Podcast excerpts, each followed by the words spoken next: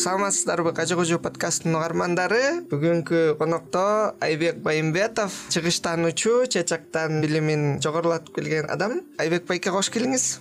Саламатсыздарбы? Рахмат жаныбек эфирге чакырганыңа кубанычтамын адегенде өзүңүз жөнүндө айтып кетсеңиз. Рахмат эми бир сөз менен айтыш кыйын экен. Чыгыш таануучу деп. Эми мунун баардыгы шарттуу түрдө мен атайын бул багытта мындай бир бир багытты окуган эмесмин. Ошон үчүн мындай орусча айтканда в общих чертах айтканда ошондой деп деле айта берсе болот. Учурда жасап аткан ишим боюнча алып айта турган болсок көбүн эсе мен ошо кыргыздын салтуу маданияты боюнча анан биомаданий ар түрдүүлүк деген бир түшүнүк бар ошол жаатта азыр ар кандай долбоорлорду ишке ашырып жатам. Бул долбоорлор көбүн эсе чыгармачылыкка маданиятка анан жаштарга багытталган долбоор. Анын ичинде музыка бар салтуу музыка анын ичинде кино анимация журналистика экология ушундай ар кайсыл тармактарда театр багытында дагы азыр ошо мындайча айтканда биз мындай бейформалдуу чыгармачыл жаштардын бир ынтымагын түзгөнгө аракет кылып атабыз. Ошон үчүн э, бул багыттан алып карай турган болсок ушул сферада иштеп жатам деп айтсам болот да баардык табигат менен таттуу мамиледе болуу деген сыяктуу эле да. Эми өтө өтө жупунуулаштырып айта турган болсок ошондой бирок өтө өтө жөнөкөйлөштүрүп айта турган болсок табият э, табият менен э, таттуу эмес эми мындай туура акыбалда болуу туура мамиледе болуу бул табият менен эле эмес биринчи кезекте өзүбүз менен өзүбүз. Табият менен анан өзүбүздүн салтуу түшүнүк өзүбүздүн салтуу маданият менен туура акыбалда болуунун тегерегинде иштеп жатабыз да. Чоң рахмат. Анда эмесе таанышып алдык. Эми мен сизге суроолорду берейин. Сиз шашпай жооп берсеңиз болот. Макул. Баштай берели э? Ооба чыгыш илимпозду бул ким? Э, чыгыш илимпоз дейм эми негизи эле чыгыш таануучу адам бул ким болуп кетет? Угуучуларга айта кетсеңиз чыгыш таануучу мен бул көбүн эсе батыштын илимпоздору аркылуу түзүлгөн жалпы чоң түшүнүк болуп атпайбы э чыгыш таануу ориентализм деген түшүнүк. Бул европада европанын окумуштуулары тарабынан ушу чыгыш тууралуу чыгыш дүйнөсү тууралуу чоң суроолор туулган да убагында. Өтө бир мындай э, түшүнүксүз бир чети бир чети сырдуу миңгырдуу терең Э, мааниде э, болуп кала берген да чыгыш дүйнөсү. Ошон үчүн батыш окумуштуулар өздөрүнө суроо суроо салышканда чынында бул чыгыш дүйнөсү эмне? Биз аны кантип таанышыбыз керек? Ал дүйнө эмнелерден турат? Эмне болгон дүйнө? Маданияты цивилизациялык өнүгүүсү жана башка жана башка жана башка. Ошондон улам э, бул сырттан турган кишинин чыгыш тууралуу айткандагысы ориентализм болуп калган да. Ориентализм да эми өзү өтө чоң түшүнүк ориентализм бул э, чыгыш таануу ошол европада кайра жаралуу доорунан кийинки э, пайда болгон э, бир нук деп айтса болот. Өзүң билесиң кайра жаралуу доору улуу географиялык ачылыштар менен башталган. Андан сырткары илимде дагы экономикада дагы маданиятта дагы чоң өзгөрүүлөр болгон. Мына ошондон улам батыш э, мындайча айтканда эски европа өзүнө чоң дүйнөнү ачкан. Эски дүйнөнү ачкан өзүнө ошол э, чыгышты анан жаңы дүйнөнү ачкан э американы. Анан ошол эски дүйнөнү жалпылаштырып айтканда чыгыш дүйнөсү деп болуп саналат? Чыгыш жарым шары бул негизинен кытай цивилизациясы индустардын цивилизациясы буддизм япон эли ыракы чыгыш анан ошол жакынкы чыгыш ушул ислам дүйнөсү түрк дүйнөсү могул африка түндүк чыгыш африка ар жагы марокко бери жагы египетке чейинки дүйнө. Ушунун баардыгы ушу жакынкы чыгыш ыракы чыгыш болуп жалпы ориентализм түшүнүгүн географиялык мындай бир өзүнүн курчамына алган да географиялык жактан. Ошондуктан европалыктарга бул өтө кызыктуу дүйнө болгон. Анан эми ориентализм э, ориентализм түшүнүгү качан ачылат? Ориентализм түшүнүгү бул академиялык чөйрөдө э, чоң кызыгууну жараткан. Ушул академиялык чөйрөдө илимпоздор биринчи башташкан ушул ориентализм түшүнүгүн ошол чыгышты батыш элине түшүндүрүп бергенге аракет кылышкан. Андан сырткары сөзүңүз болсо айта бериңиз мен мындай деп айткым келип атат да ориентализм өзү чыгышты чыгыш дүйнөсүнө таандык болбогон элдердин чыгыш тууралуу айткан дагы сөзү да. Анан э, биз дагы ошо чыгыш боюнча батыштын айткан сөздөрү боюнча биз тарбияланып келебизби азыркы учурда жакшы суроо болду. Э, кайсы бир деңгээлде э, ошол нерсе басымдуулук кылат. Анткени батыш академиясы батыш илими э, чыгыштануу боюнча бир топ изилдөөлөрдү жүргүзгөн бир топ эмгектер жазылган. Ошолордун эмгеги ошолордун айткандары аркылуу биз өзүбүздү ушундай экенбиз деп келгенбиз да? Мурун ушинтип келчүбүз анан өзүң байкап атсаң керек алар э, толук кандуу биз каалагандай биздин чыныгы табиятыбыз кандай болсо ошол табиятыбызды төгүп чачпай жеткирип э, бере алышкан эмес да. Эми ал э, сен мисалы үчүн жаңы булакта жашасаң анан тиги аркы баканбайлык бирөө чыгып алып ал жаныбек мындай деп айткан көбүрөөк ынанымдуу болобу же ошол жаңы булактык сенин бир туугандарың жаныбек мындай деп айткан ынанымдуу болобу дегендей эле нерсе да? Эгер жөнөкөйлөштүрүп айткандачы ошон үчүн батыш илиминде дагы бир топ конфликт бир топ э, пикир келишпестиктер бар. Ушул ориентализмди аныктоо боюнча. Бул боюнча ошо бир чоң окумуштуу бар. Эдвард саид деген өзү колумбийский университеттин профессору болчу. Өзү ушул ориентализм деген чоң эмгек жараткан. Бул фундаменталдуу эмгектердин бири болуп саналат ал киши ошентип айтып атпайбы. Батыш дүйнөсү өздөрүнүн түшүнгөнүн түшүнгөндөгүнүн деңгээлинде эле биз жөнүндө айтып келишкен депчи. Чынында толук деңгээлде биз тууралуу ушу чыгыш дүйнөсүн ачып бере алышкан эмес. Баары бир мындай искаженный мындай бир кайсыр деңгээлде бузулган туура эмес көз караш менен бизди биз жөнүндө айтып келген деп ошол эмгегинде ошентип айтат да бул ошол империалисттик колониалдык саясаттан улам. Чыгыш дүйнөсүн мүмкүн болушунча мындай маргинал сыяктуу көргөзүп мындай артта калган дүйнө сыяктуу көргөзүп жетишпей калган сыяктуу дүйнө көргөзгөн сыяктуу мындай бир э, сырттан э, бул бул суроого дагы кезек кетип коюшубуз керек э жакында. Дагы тактап сурай кетем кийинки суроолорду э. Кийинки суроого өтө берсек э чоң рахмат. Хорошо. Кийинки суроо анда чыгыш адамы батыш адамынан айырмаланып кетет деп айтып калабыз э? Анан ошо чыгышты жалпылап эле алсак үч сөз менен аныктап бере аласызбы? Үч сөз менен аныкташ кыйын го бирок азыр ошол үч сөзгө келиш үчүн мен мындай өзүмө кичине даярданып э, рефлексия кылып коеюн. Чыгыш адамы менен батыш адамы сөзсүз түрдө айырмаланат. Бул жанагы эки түрдүү ой жүгүртүүнүн образы эки түрдүү ой жүгүртүүнүн булагы катары айтса болот да рационалдык иррационалдык мындай бир прагматикалык же болбосо интуитивдик деңгээлде сезимдердин деңгээлинде чыгыш эли чыгыш адамы көбүнесе ошол мындай бир ички интуитивдик ички акыбалдын негизинде ички туюм сезүү ички дээр көөдөнүн деңгээлинде ой жүгүртүп баягы тереңдикти камтып чарпыган адамдын э, бейнесин берет да батыш дүйнөсү болсо көбүн эсе бул бул акылдын э, мындай бир туура эсеп чоттун тактыктын кандайдыр бир деңгээлде кызыкчылыктын э, нерсесин камтыган сыяктуу образды бейнени берет да ошон үчүн бул эки мындай бири бирине полярдуу болгон бири бирине мындай карама каршы дебейм. Бири бирин албетте толуктап турат. Бирок иньян сыяктуу э, образды иньян сыяктуу ой жүгүртүүнүн полюстарын берет да батыш дүйнөсү менен чыгыш дүйнөсү. Ошон үчүн чыгыш дүйнөсү албетте бул ийкемдүү жумшак назик баягы агып аткан суудай жибектей кебездей э, шамалдай болуп атканына байланыштуу чыгыш эли көбүнчө ийкемдүүрөөк да анан батыш э, батыш мышлениясы бул көбүнөсө бескомпромиссный деп коет го мындай.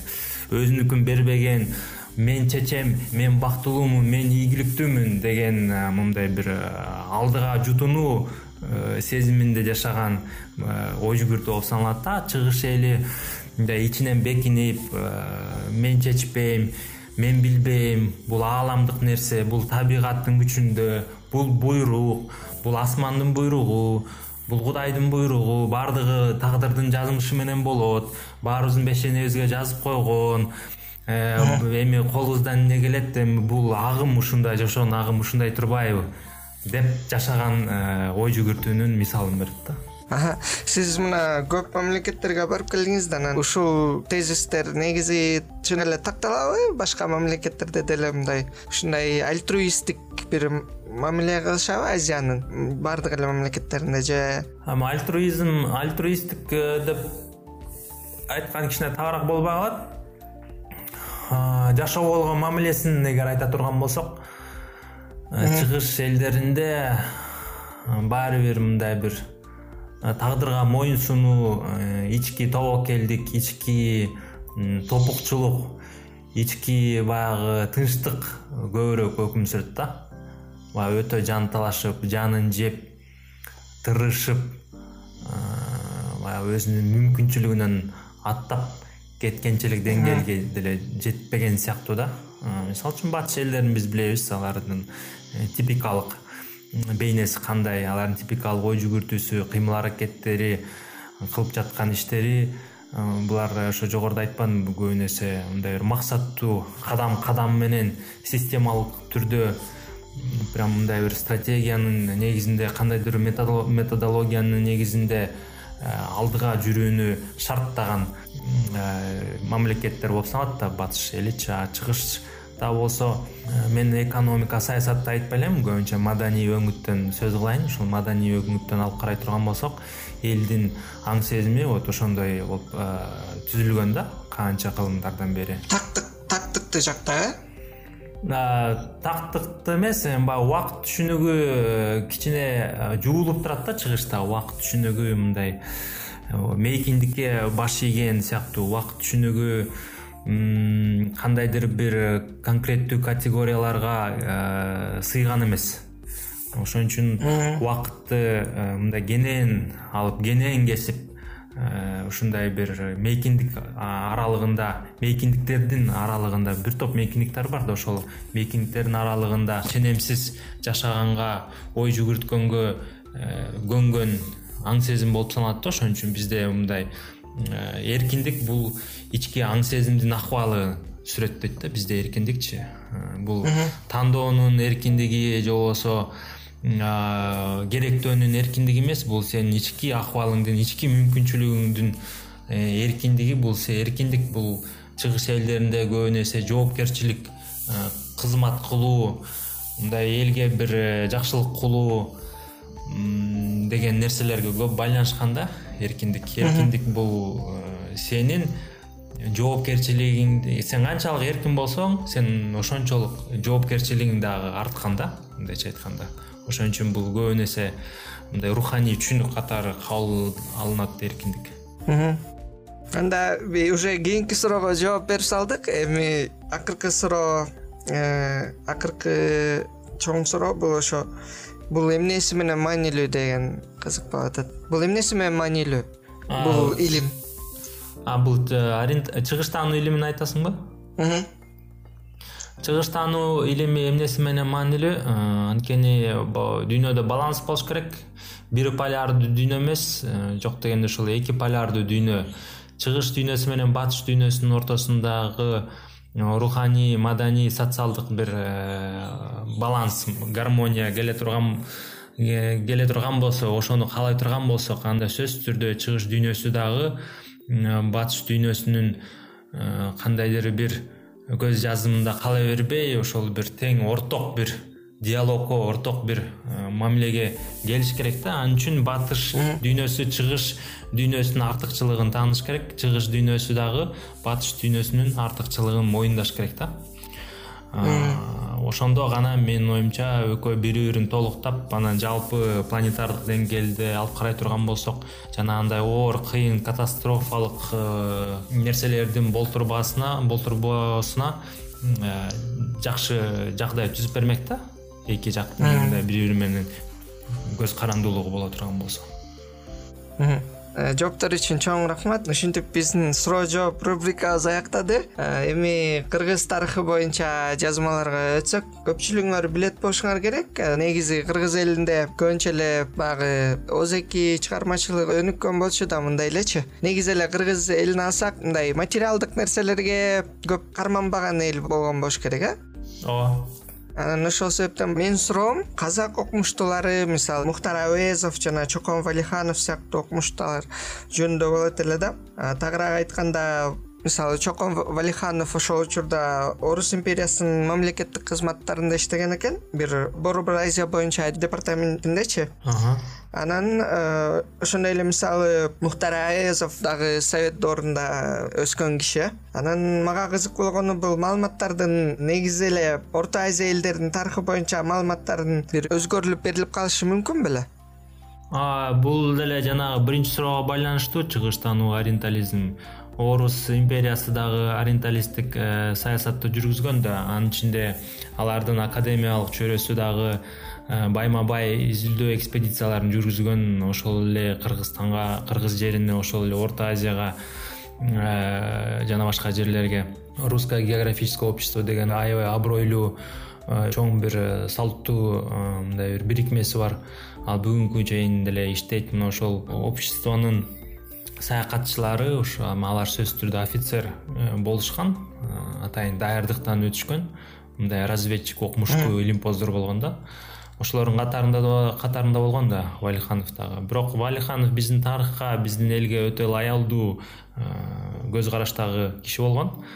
Ошондуктан ал көбүн эсе ушул жанагындай заметкалар менен фиксация кылган да маалыматтарды чогултупчу мындай үстүртөдөн жалпы саякатчы катары негизги разведчик катары дагы ошол биринчи манас эпосунун үзүндүсүн валиханов жазып калган деп атпайбы боронбай бийдин убагында көлгө келип көкөтөй нашын бул жагынан эң биринчи ошол кагазга түшүрүлгөн вариант болуп калып атат да чокон валиханов тарабынан бул мухтар ауезовго чейин э ооба мухтар ауезов эми ал союз убагындагы доор болуп атпайбы мухтар ауезов эми ал көбүн эсе э, чыгармачыл э, адабий чөйрөнүн өкүлү катары билебиз да. Ал киши дагы өтө лаялдуу мамиледе болгон. Ушул кыргыз элинин маданий мурасына руханий мурасына манас э, эпосунун калыптанышына калып калышына советтик саясатка карабай ошол нерсеге дагы чоң салымын кошкон ошол манас эпосун бул кыргыздардын жалпы маданий мурасы ансыз жашоо мүмкүн эмес деп ошол эпосту э, саясий бир репрессияга э, кабылдатпай ошону аман алып калып жаңы кайра жашоо берген инсандардын бири өзүнүн чоң абройлуу сөзү менен кыргыз элинде эле эмес э, казак элинде эле эмес ошо кыргыз элинде дагы аты бүгүнкү күнгө чейин аябай угулуп аябай сыйлап урматтап келген киши да. Анан эми жанагындай э, искажениялар боло турган болсо ал көбүн э, целенаправленный жанагындай тарых түзүү тарыхты жазуу багытында иштеген окумуштуулар тарабынан кетиши мүмкүн. Бирок алар деле чын ниетинен эми ал убакта адамдарда баары бир баягы достоинство честь мындай э, уят деген нерсе болгон да. Ошон үчүн алар мүмкүн болушунча мындай илимий объективдүүлүктү объективдүү көз карашты сактаганга аракет кылышкан. Бирок баары бир орус империясынын дагы кийин совет доорунун дагы саясий повесткасы болгон. Малый элдерге кичи элдерге анын ичинде ошол кичи элдердин тарыхына маданиятына дегендейчи ошон үчүн ал сөзсүз түрдө болгон искажениялар болгон. Ошон үчүн биз бүгүнкүгө чейин дагы деле айтып келебиз. Э, совет доорунун тарыхында кыргыз элинин тарыхы баягындай эле дикокаменный кыргызы мындай бир маргинал эл э, бул тарыхый формацияны басып өтпөгөн артта калган. Бирок улуу орус элинин э, шарапаты менен мына эл болуп ушул союздук өзүнчө эгемен республика болуп мына кошулуп атат деп анан биз аларга аябай ыраазы болуп ой биздин улуу агабыз орустар деген сыяктуу мамилени калыптандырып коюшкан. Бул жагы албетте э, кемчилик бул жагы туура эмес. Бул ошол нерсеге кимдер алып келди? Албетте ошол саясаттын ошол повестканын астында иштеген окумуштуулар дагы алып келген да алардын дагы мындайча айтканда лептасы бар. Бирок арга жок мамлекеттик башкы идеологиянын саясаты кандай болсо ошого жараша илим багыты дагы ошого имерилип айла жоктон макул болуп ошол повесткага кызмат кылып турат да.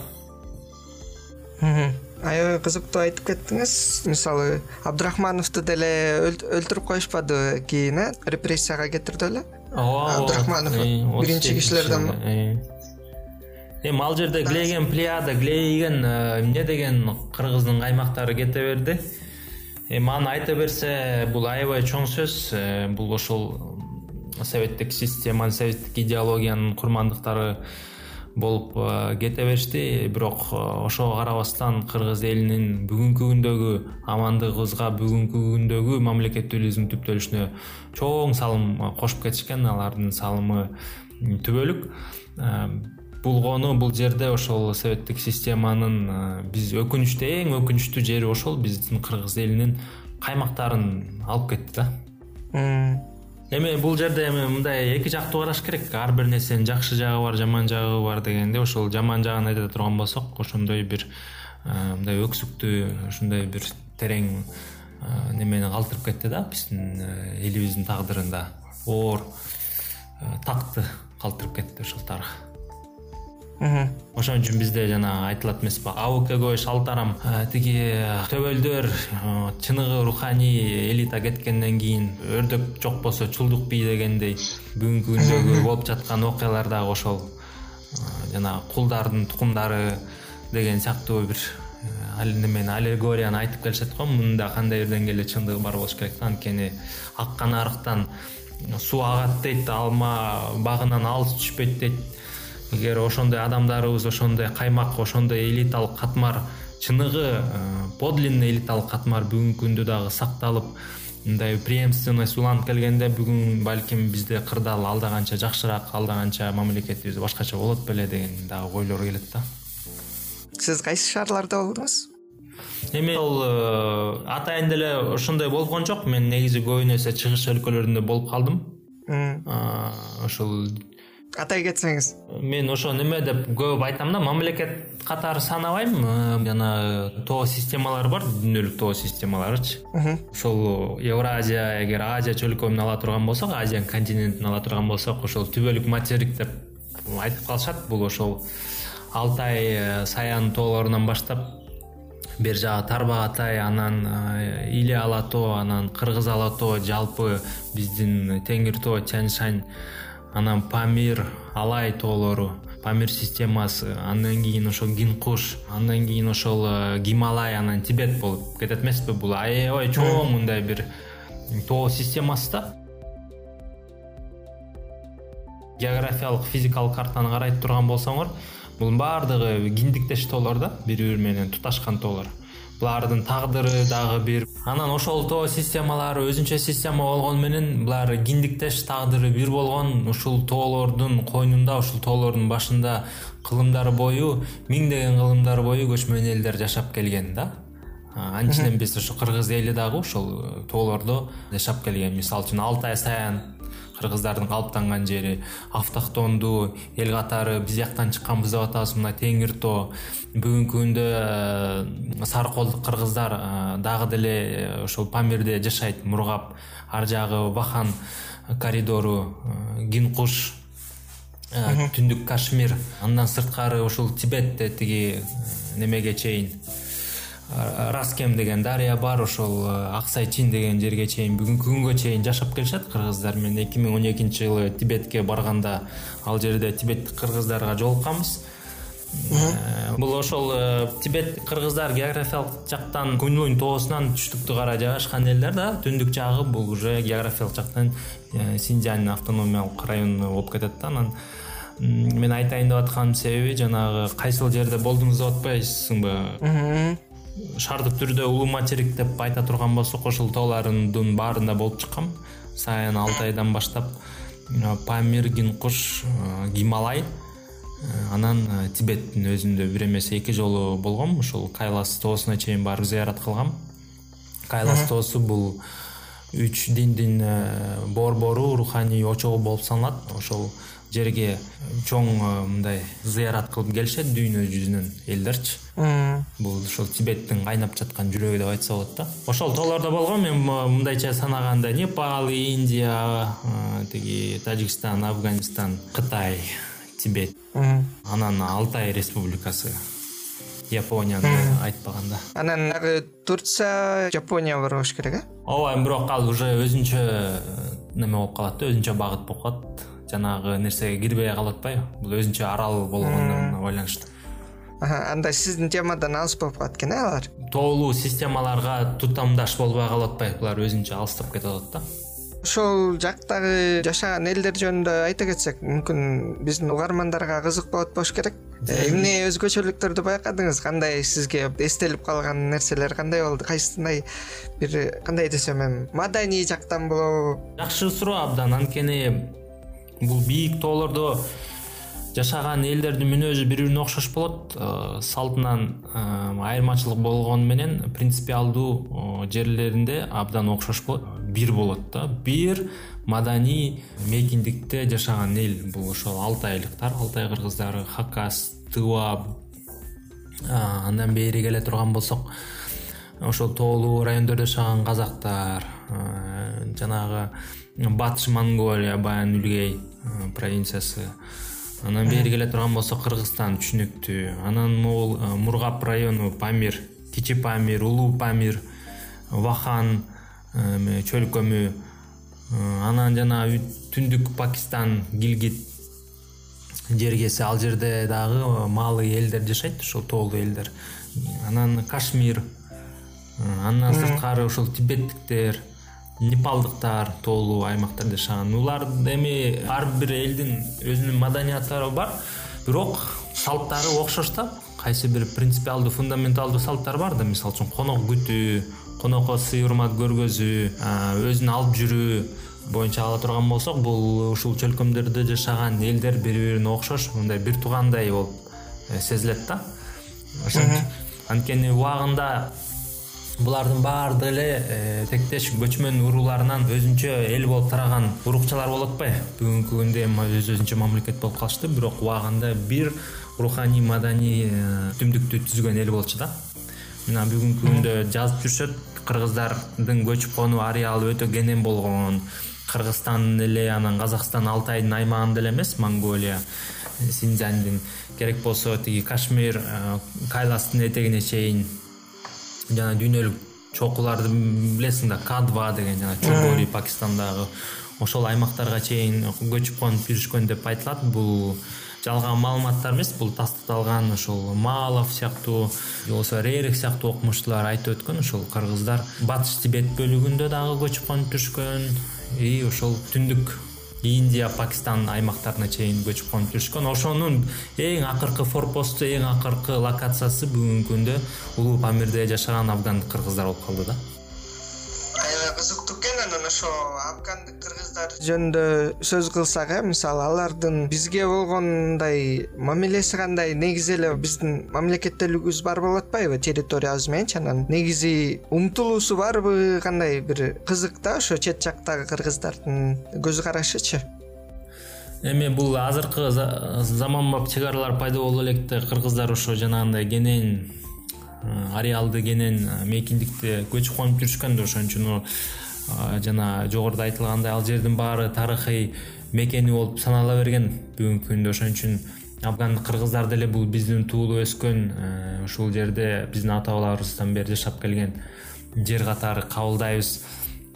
Кеткибиз деле келбейт анан кетсе деле бияктан көнбөй анан кайра кайтып ошентип э, жүргөн учурлар да болду бирок тилекке каршы азыр алардын акыбалы өтө эле э, мындай ooрлошуп баратат ошон үчүн аларга ошол жеринен жакшы жардам берүү саясатын жүргүзүш керек. Же болбосо кайсы бир деңгээлде көчүрүү саясатын жүргүзүш керек. Ушул биздин кыргызстандын тоолуу аймактарыначы. Ошол афган өкмөтү менен келишим түзүп.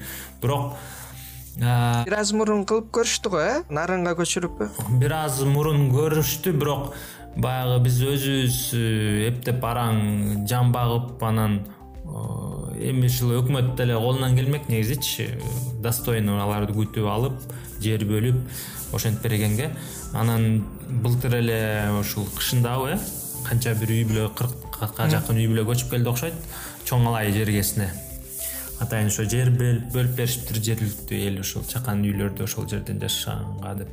Эми ошондой алай жергес чоң алай жергесине алып келсе жарашат анткени алар ал жерге жакын эл алардын менталдык маданияты салту боюнча түштүк урууларын э, өкүлдөрү болуп атпайбы. Ошон үчүн бири бирине тууган бири бирине жакын саналаш э, туугандар болуп саналат да. Ошон үчүн алар эми убагында ошол жерден кечишкен ушул алай чоң алайдан кечиккен. Э, анан кайра кайтып келгени бул дурус эле нерсе бирок кайтып келгенине жараша ошол шартын жакшыртып аларга жанагындай жумуш орундарын камсыз кылып берсе жакшы болмок анткени бул эми баягы социалдык э, көйгөйлөр тармагына кетип калат экен э? Ооба. Анан кайра ошо чыгыш адамдардын өзгөчөлүктөрүнө кайрыла кетсек э, мисалы мен жакшы көргөн жапония жөнүндө айтпай кете албайм дегендейчи. Анан негизи эле мындай кызыктуу калк э алар. Анан япония жөнүндө кичине азыркы адамдары жөнүндө дагы айта кетсек ошо япондордон суроолорумду баштай берейин э. Макул. Япондордон эмнени алсак болот? Сиз ошо үч үч сөз менен айтып кете аласызбы? Үч сөз же үч сөз айкалыш менен? Ал жагы үч сапатпы э үч кандай үч сапат э, сапат болобу же мисалы жүрүм турумданбы? Мен мисалы уккан болчумун жапонияда э, коомдук транспорттордо мисалы э буттарын аябай бүгүп алып мындай көп мейкиндикти ээлебей аябай ийкемдүү калып калат экен депчи. Ал жагын ала турган болсок адамдын жеке пространствосун сыйлоо. Эгер жалпы айта турган болсок жөн гана адамды кыскача айта аласызбы адамга болгон сый мамилени алсак болот. Анткени алар адамга болгон сый мамиленин бийик үлгүсүн көргөзүп келишет өзүң айткандай коомдук транспорттордо жана башка жерлерде. Бул биринчи сапат дейли. Э адамдык адамга болгон сый урмат. Андан адамдын ошол тандоосун э, сыйлоо деген сыяктуу. Андан кийинки экинчи сапат эмне болушу мүмкүн? Экинчи сапат менин оюмча бул өзүнүн ишине тактык жана берилгендик. Чын дилден берилгендик. Э, анан ошол ишинин өтөөсүнө чыккандык. Анан үчүнчү сапат бул эми собирательный сапат болуп калды бир топ сапаттарды айтып жибердим. Үчүнчү сапат боло турган болсо үчүнчү сапат бул эң негизги э, сапаттардын бири бул өзүнүн улуттук маданиятына болгон айкалышы. Өзүнүн улуттук э, нерсесин бербеген канына жанына чейин ушунчалык сиңип калган нерсе алар кайсыл жерде болбосун канча убакыт болбосун баары бир ошол жапондук мүнөздү сактап кала берет да. Э, үч сөздөн көп болуп кетти бирок жарайт түрктөр кандай калып келишет? Алар дагы чыгышка карайт. Түрктөр эми бул жактан эми баягы элдер албетте ар түрдүү болот. Анан мындай негизи жалпылап э, мисалы макул стамбулду эле алалы да эми бул э, түрктөр бул малая азия болуп атпайбы жарым арал. Анан өзүнүн жайгашкан жери европа менен чыгыш дүйнөсүн туташтырган көпүрө болуп атпайбы бул тогуз жолдун тоомунда кырк жолдун кыйырында дегендей. Бир канча маданияттардын очогуна айланган өтө даамдуу өтө бай өтө көркөм маданиятты жарата алышты да. Анан ошон үчүн бирок булар деле бир тектүү эл болуп саналбайт. Ар кошкон эл болуп анан өзүнчө Э, мамлекет болбоду өзүнчө түркпүз депчи түрк элибиз деп. Анан алардын эгер аларды айырмалай турган сапаттарды айта турган болсок менин көз карашымда эми мен э, көп деле мындай бир адис эмесмин бирок ошого карабай айтып көрөйүн. Менин оюмча түрктөрдүн дептир таппай каласың э? Өткөрү эле айта албайт экенмин түрктөрдүкү мындай отличительный прям черталары эсиме келбей атат да. Түрк дегенде эле анысы туура эле негизи биздин платформада баягы элдерди жалпылап айтып бул мындай көп каралган эмес да мисалы. орустар мындай тиги немистер мындай деген сыяктуучу өзгөчө э, жаман ключтачы ооба мындай жаманыраак нерсе мен жаман ключта деле айтпайын дегем. Жакшы ключтарын айтайын десем тамакка байланышып калып атат да анан башка эмнеси болушу мүмкүн? Башка учта билбейм. Соодага жакын э, мындай торгашеский нерсеси предприимчивость бар. Тамак жасашат. Мындай сервисти мыктылап жасаган эл да сервисти кыйын билген эл да жакшы. Менин оюмча суроолорум деле түгөндүү болуш керек. Анан акыркы суроолорго узун жооп алдык. Жарай берет. Дагы кандай эки сөз кошуп кетет элеңиз? Ушул негизи эле чыгыш темасы боюнчачы. Чыгыш темасы ориентализм деп жана айтпадымбы батыш академиясынын батыш илимпоздорунун чыгыш тууралуу айткан ой пикири деп. Эми чыгыш тууралуу өзүбүз айтып чыгалы деген сунуш кылат элем да. Биз өзүбүз жөнүндө өзүбүз деле айтпайлыбы эч ким айтпай эле койсун биз жөнүндө анткени биз өзүбүздү өзүбүз жакшыраак билебиз да. Өзүбүздүн ички дүйнөбүздү акыбалыбызды.